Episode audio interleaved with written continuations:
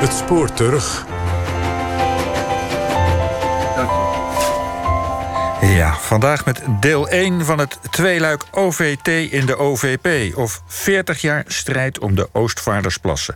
Begin dit jaar werd voor de zoveelste keer duidelijk dat er veel en vooral uiteenlopende meningen zijn over hoe ons grootste natuurgebied moet worden beheerd. Met zo min mogelijk ingrijpen van de mens of juist het tegenovergestelde. Sinds kort is het beheer overgedragen van het Rijk aan de provinciale staten van Flevoland en is de strijd om het beheer weer in volle hevigheid losgebarsten. Reden voor Michal Citroen om met de betrokkenen vanaf het eerste uur 40 jaren strijd om de natuur op een rij te zetten. Montage Berry Kamer.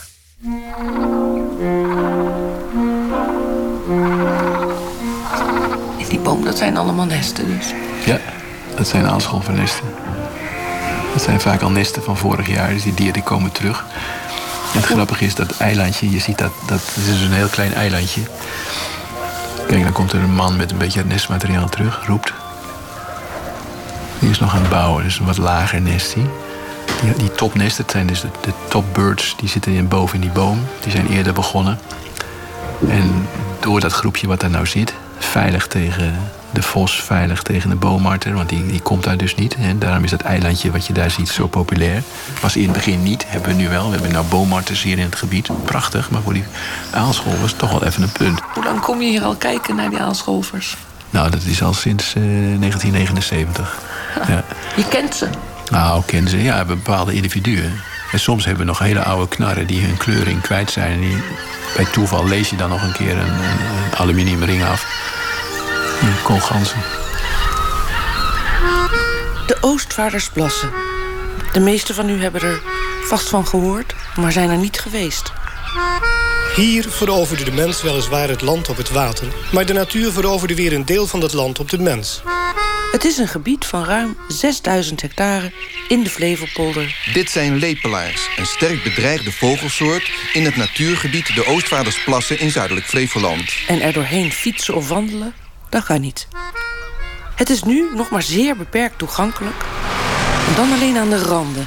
Het IJsselmeer en de weg tussen westelijk Nederland en Lelystad, de Oostvaardersdijk. Het is namelijk geen park of dierentuin. Aan de andere zijde van deze weg, over een lengte van vele kilometers... het gebied van de Oostvaardersplassen. Maar als het goed is, autonome natuur. Een moerasgebied met open water, rietvelden en wilgenbosjes.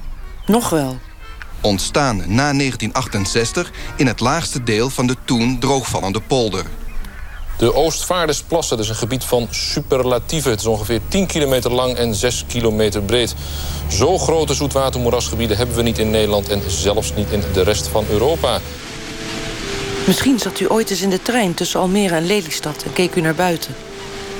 En zo'n groot stuk woestenij in Nederland, dat zie je niet vaak. En het valt zeker op. Vooral als u het geluk heeft de grote kudde grazers te zien. Hekrunderen, koningpaarden en edelherten. Het is net de steppen van Afrika. Ginds daar zo voor de hut, daar zo het najaar, als daar zo, zo, zo 500 of 1000 nog meer van die, van die, van die in het water staan. Hè? Man, dat is prachtig, hè? Daar kan je, daar, daar kan je die genoeg van krijgen, bij. Nederlands twaalfde provincie, het enorme poldergebied in het voormalige IJsselmeer, kreeg verder gestalte. In de nieuwe polder Oostelijk Flevoland kon begin april de eerste paal worden geslagen voor de eerste boerderij. De bewoners van Flevoland die zijn met de Oostvaardersplassen opgegroeid. Ze hebben vanaf het spoor of vanaf de omliggende kades, dijken en uitkijkpunten... het gebied de afgelopen 40 jaar ook langzaam zien veranderen.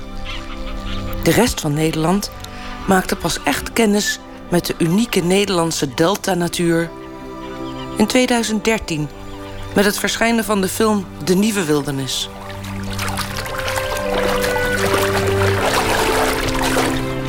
Voor de merries is het een goed moment om de veulens het water te leren kennen. 600 draaidagen, de nieuwste technieken en beelden van in, op en boven de grond... maakten de nieuwe wildernis onverwacht een grote bioscoophit. Maar het water is nog wel koud. En dat is een veulen in zijn enthousiasme vergeten. En opeens wist heel Nederland dankzij de film... en de daaropvolgende televisieserie...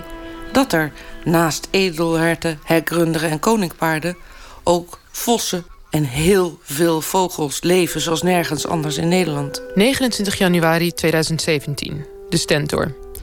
De statenfracties van de Partij van de Arbeid, GroenLinks en de Partij voor de Dieren houden woensdagavond een hoorzitting over de grote grazers in de Oostvaardersplassen. De provincie Flevoland is nu verantwoordelijk voor het beheer van de grote grazers in de Oostvaardersplassen. Aanleiding daarvoor is het initiatiefvoorstel van de SGP en VVD. Dat moet leiden tot nieuw beleid met betrekking tot de grote grazers en het beheer van de Oostvaardersplassen. In de Tweede Kamer was het natuurlijk ook vaak een onderwerp van discussie. Zeker als er een, een strenge winter was geweest. Er kwamen er allerlei Kamervragen.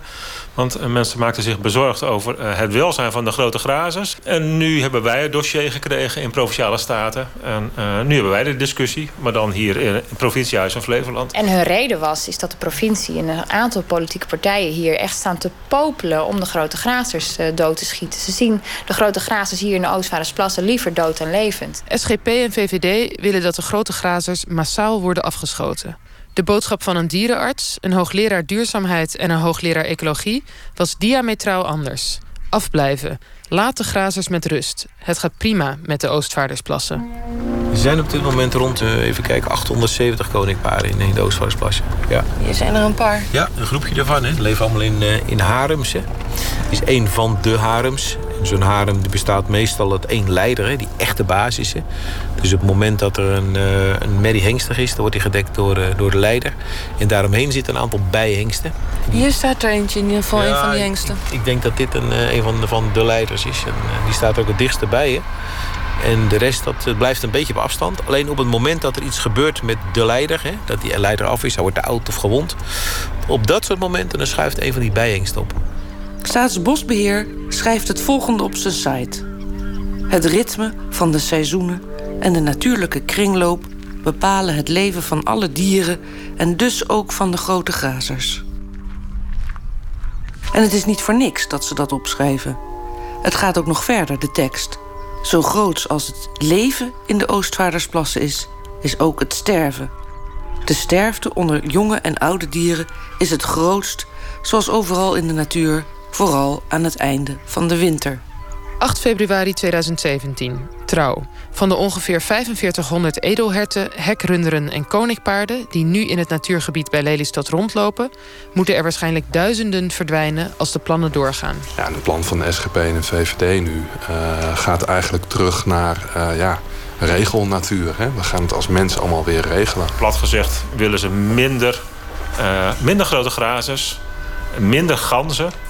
En uh, het gebied eigenlijk zoveel mogelijk openstellen voor publiek. Dus fietsenpaden, wandelpaden, uh, uh, dat soort zaken. Het gaat over zorgplicht en anderzijds afblijfplicht. Ik denk dat het, als je naar kijkt naar de Oostvaardersplassen... dat het qua schaal heel uniek is voor Nederland. Hè. Wij hebben niet van dat soort grootschalige natuur. Maar we hebben eigenlijk ook geen plekken waar de natuur het zelf nog mag regelen. En dat is eigenlijk wat je hier wel ziet. Het is mistig, daar gaat een. Dat is een witte dijvlek. Die gaat nou terug naar zijn nest. Komt er nog één. En nog één. En dan is een mannetje die komt terug. Kijk, zijn vrouw schudt nu met haar, met haar kop.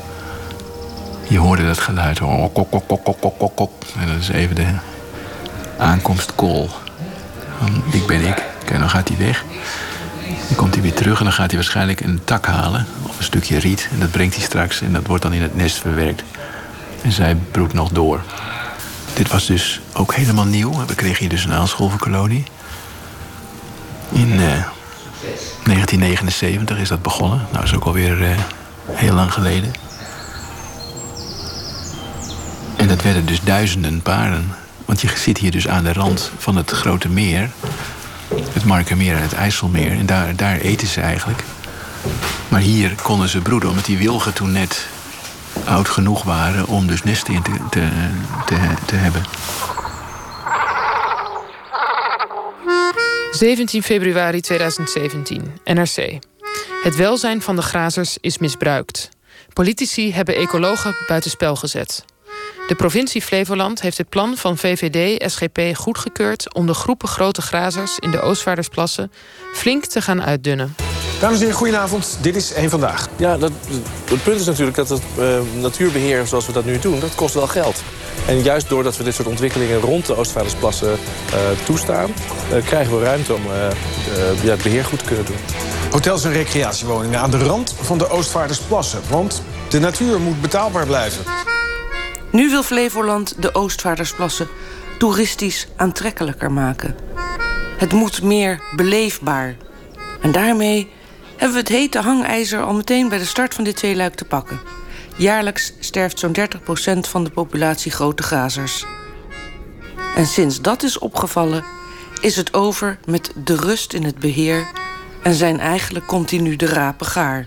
Grote grazers dienen om de boel hier uh, kort te houden. Hè? Maar je kunt daar ook in doorslaan. Wij zoeken een nieuwe balans. Het aantal dieren gaat de ecologische draagkracht van het gebied te boven.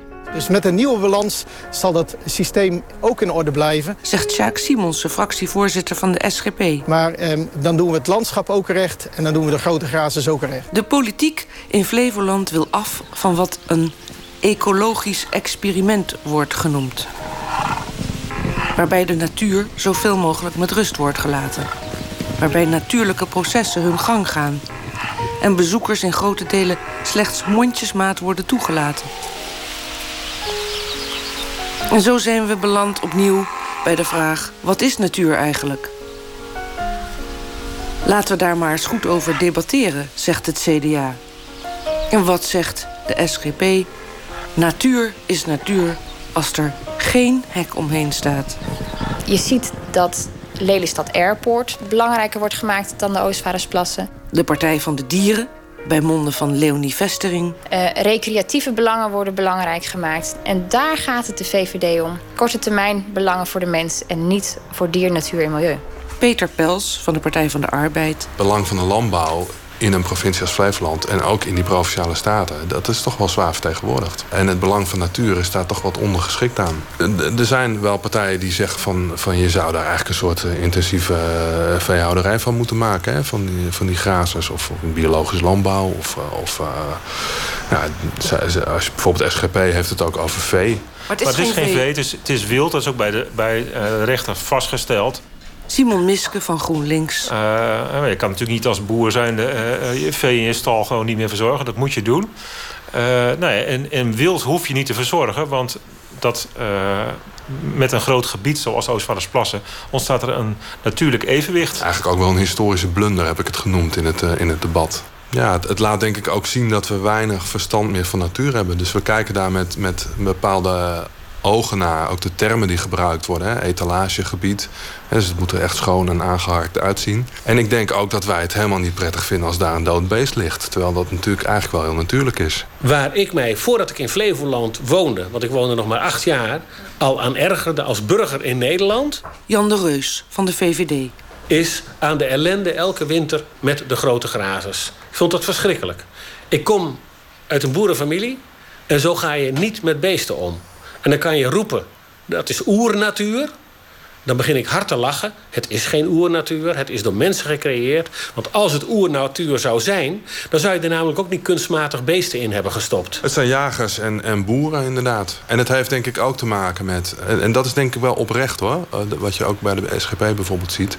Dus ook een soort ja, verantwoordelijkheid voor de schepping. Dat is ook een argument wat je vaak hoort. Het is een beetje rentmeesterschap, zeg maar. De tegenstanders, want als u het voorstel hebt gelezen... het initiatiefvoorstel, daar staat helemaal niet in dat we gaan recreëren. Er wordt geroepen over dat we hotels gaan bouwen... dat we lodges gaan creëren. Dat staat er helemaal niet in. Springkussens is gevallen. Ja, Complex in deze kwestie blijft dus de vraag wie nou überhaupt iets mag beslissen over het natuurgebied. Maar het bevoegde gezag ligt niet meer bij het Rijk. Dus wij zijn ook van mening dat het bevoegd gezag wat bij de provincie ligt, dat wij het beheer kunnen aanpassen als wij dat noodzakelijk vinden. Allerlei afspraken zijn vastgelegd in verdragen juist om de bescherming ervan. Gedeputeerde Michiel Rijsberman die zal nu eerst uh, gaan onderzoeken... wat er inderdaad mag en wat er niet mag in dit gebied. Je mag niet zomaar een gezond dier wat in een natuurgebied loopt afschieten. Er zijn regels voor. Het moet bijvoorbeeld uh, landbouwschade opleveren... of een bedreiging zijn voor de verkeersveiligheid... of hij moet ziek zijn. Uh, ja, als gewoon maar een hert een beetje vrolijk rondloopt in de Oostvaardersplassen... en het voldoet niet aan die criteria, mag je hem dan wel afknallen. VVD en SGP hebben hun eigen plan al juridisch laten toetsen.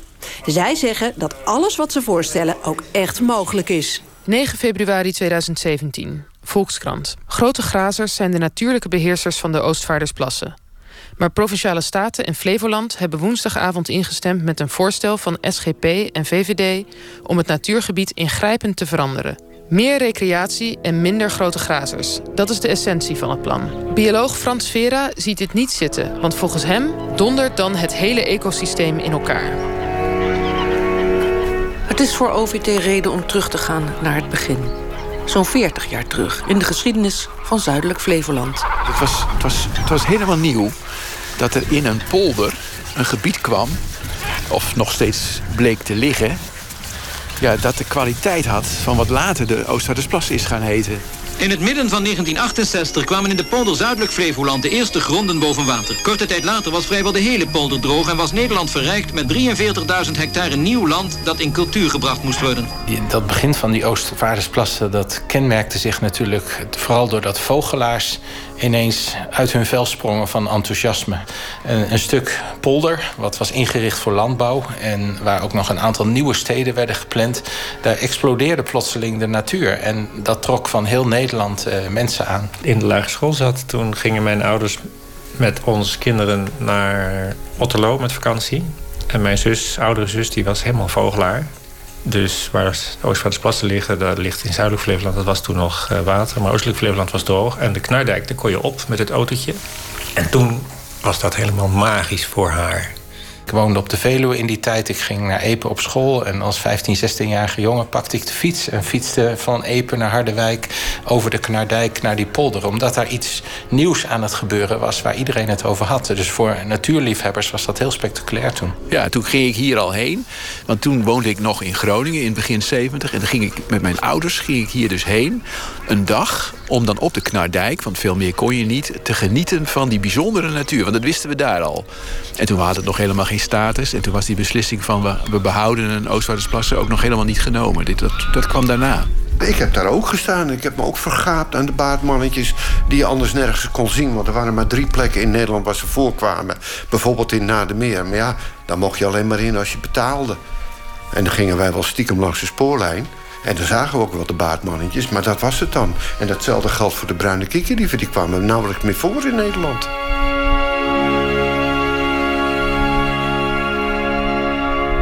Frans Vera is van alle betrokkenen misschien het meest bekend in het land.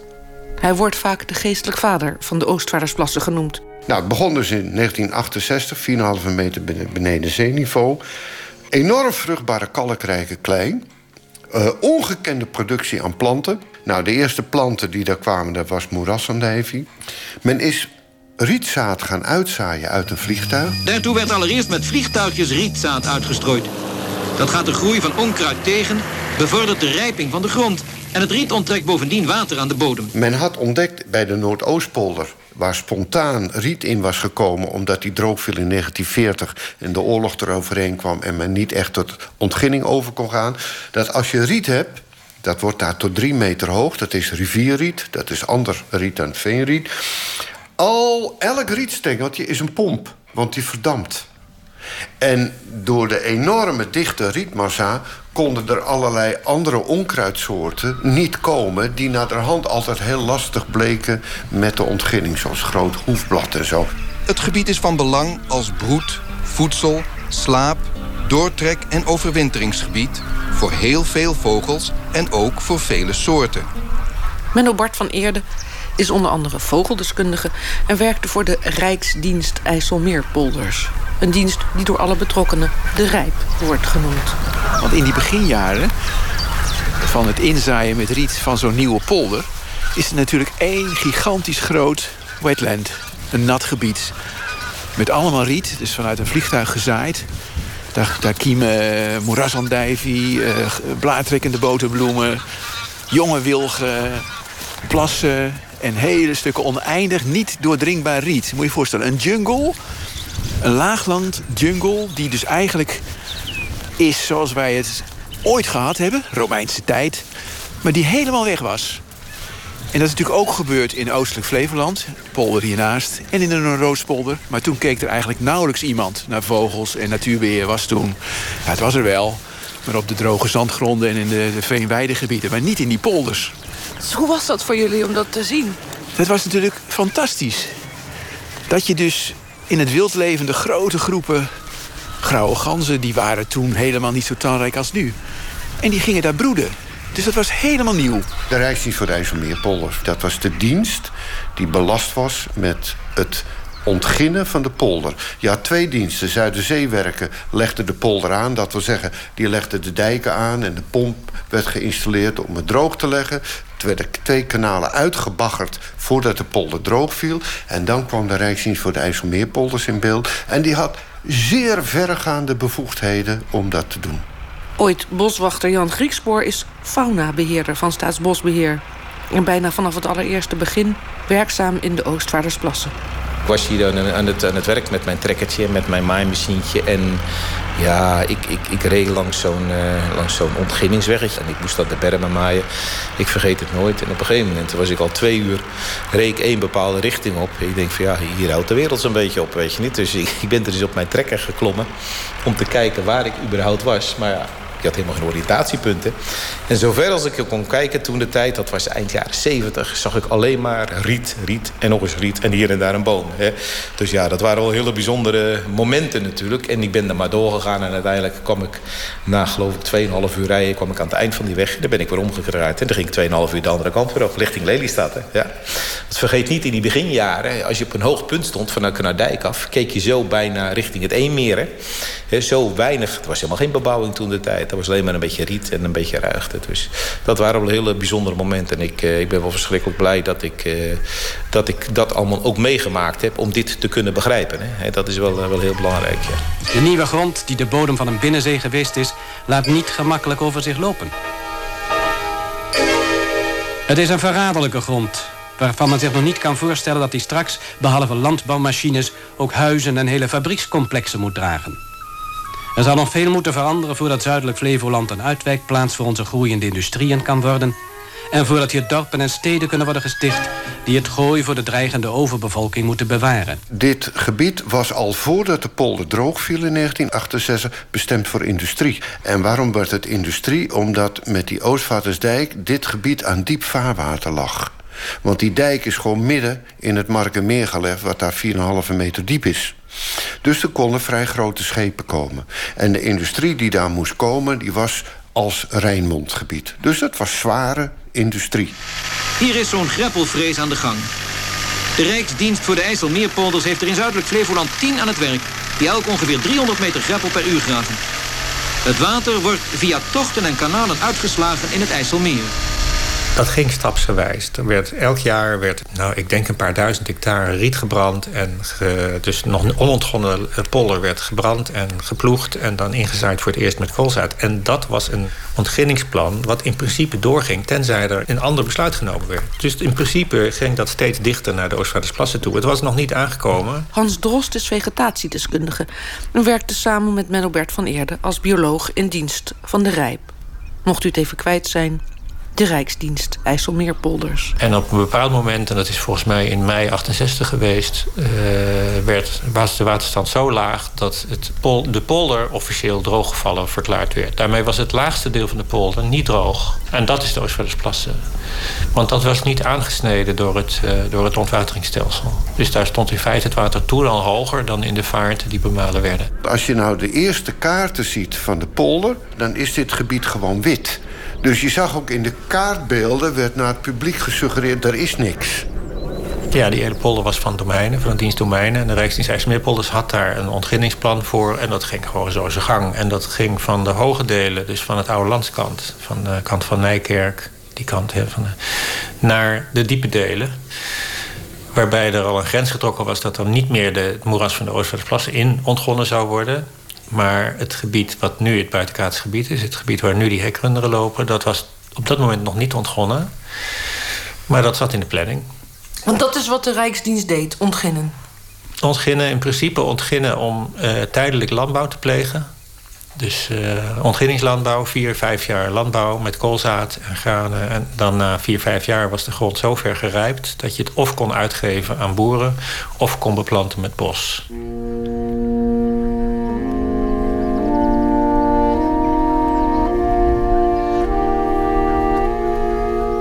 Ik heb hier wel nog bomen gerooid in mijn vorige leven.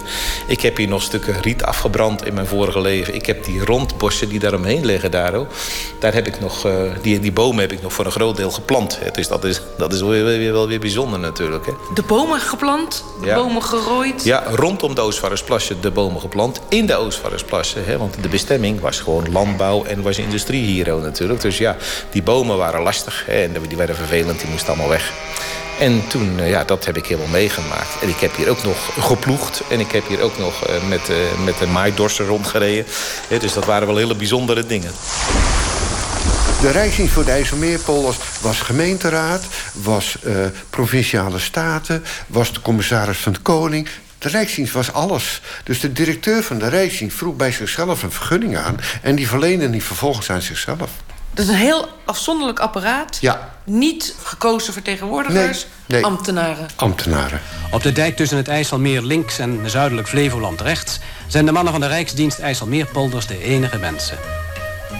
Zo onbetrouwbaar is de nieuwste grond van Nederland... dat ze het oppervlak van hun schoenzolen moeten vergroten met trippen. De eersten die hem op deze plek zullen betreden... zijn de Rijksambtenaren.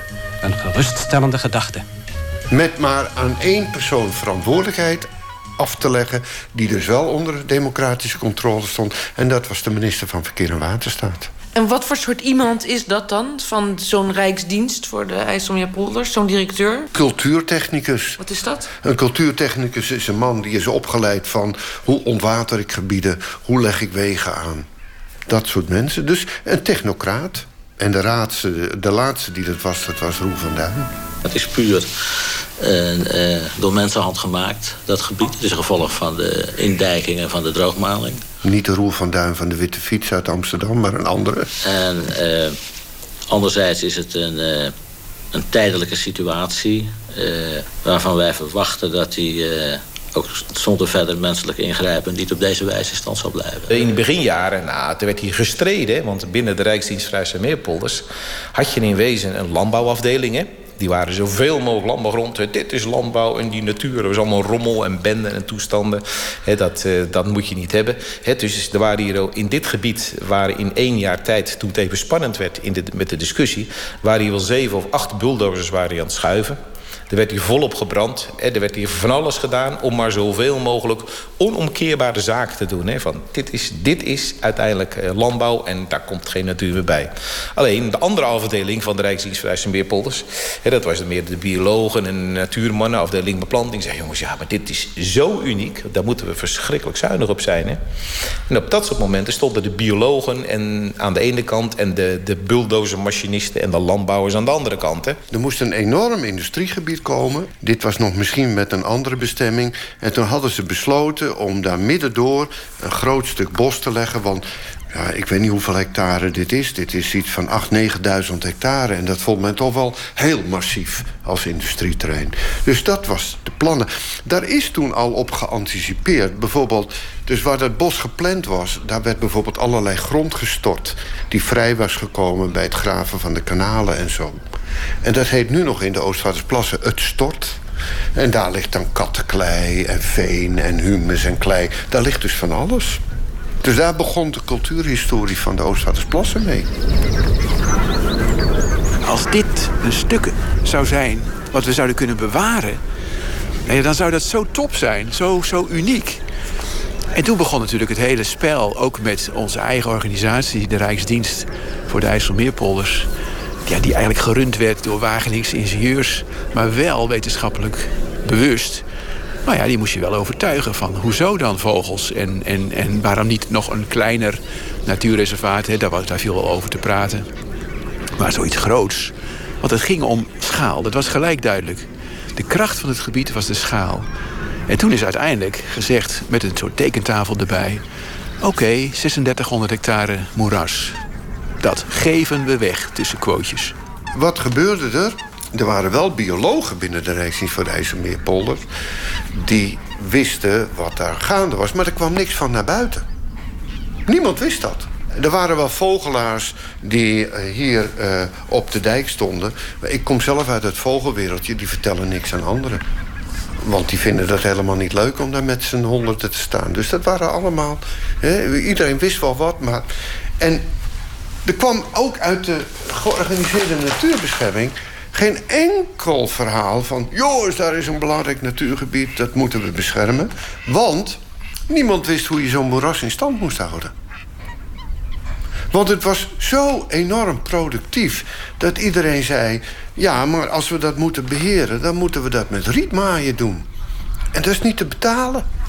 Kan je je herinneren toen je voor het eerst ook, ook in je werkzame leven Ja. kwam... wat voor idee was Ja. er toen over natuurbeheer? Ja, nou toen, toen was het eigenlijk zo dat we veel meer dachten aan, aan een, aan een heel, heel geleid en, en gemanaged natuurbeheer. Dat was gewoon ja, heel, heel, helemaal business as usual. En dat we grotere schalen gingen, gingen hanteren, was helemaal nieuw. Dus daar hadden we eigenlijk geen ervaring mee. En toen was al wel afgekaart, misschien niet politiek helemaal... maar het was voor, voor de, directie met waar ik niet rechtstreeks mee te maken had... maar de sfeer bij de, de Rijp was toen, de Rijp, Rijksmeerpolders... was toen van nou, dat is natuur. En we weten nog niet wat we met de strook direct aangrenzend gaan doen. Maar daar komt die spoorlijn te liggen, dus waarschijnlijk ging zo door het gebouw... van het gebied tussen de spoorlijn en de kade en het moeras... dat zal wel een soort bufferzone worden. Maar hoe, dat weten we ook nog niet. De, de bedoeling was dat daar ook gewoon landbouw zou komen, toch? Nou ja, de vraag is wanneer. eh, over wel- de bedoeling op welk moment. In, in principe- kijk, de, het- er is niet zozeer een bedoeling. Er was een groot landbouwbedrijf bezig de polder te ontginnen. Er was wel een, een, een, een wetenschappelijke commissie hè, die de Rijksdienst adviseerde. Er zaten een paar hoogmogende professoren in. Maar die hadden het alleen maar over wat we noemden de voorlanden. Dus wat er voor die dijken kon in relatie tot die randmeer. Kleine stukjes. Kleine stukjes. Beheersbare stukjes. Beheer, beheersbaar. Het is ook heel grappig. Tegenwoordig spreekt men niet meer over beheersplannen... wat het goed Nederlands zou zijn, maar beheerplannen. Maar het zijn beheersplannen. Men wil altijd beheersen. Ja, controleren. Controleren. Angst om los te moeten laten. Wat straks ook het verhaal van de Oostvaardersplassen is. Ja, u hoorde het eerste deel van OVT in de OVP. Volgende week de rol van de ganzen, de komst van de grote grazers... de verlenging van het spoor en het Badkuiptracé... de zeearenden, het Natura 2000-predicaat en hoe nu verder. Op deze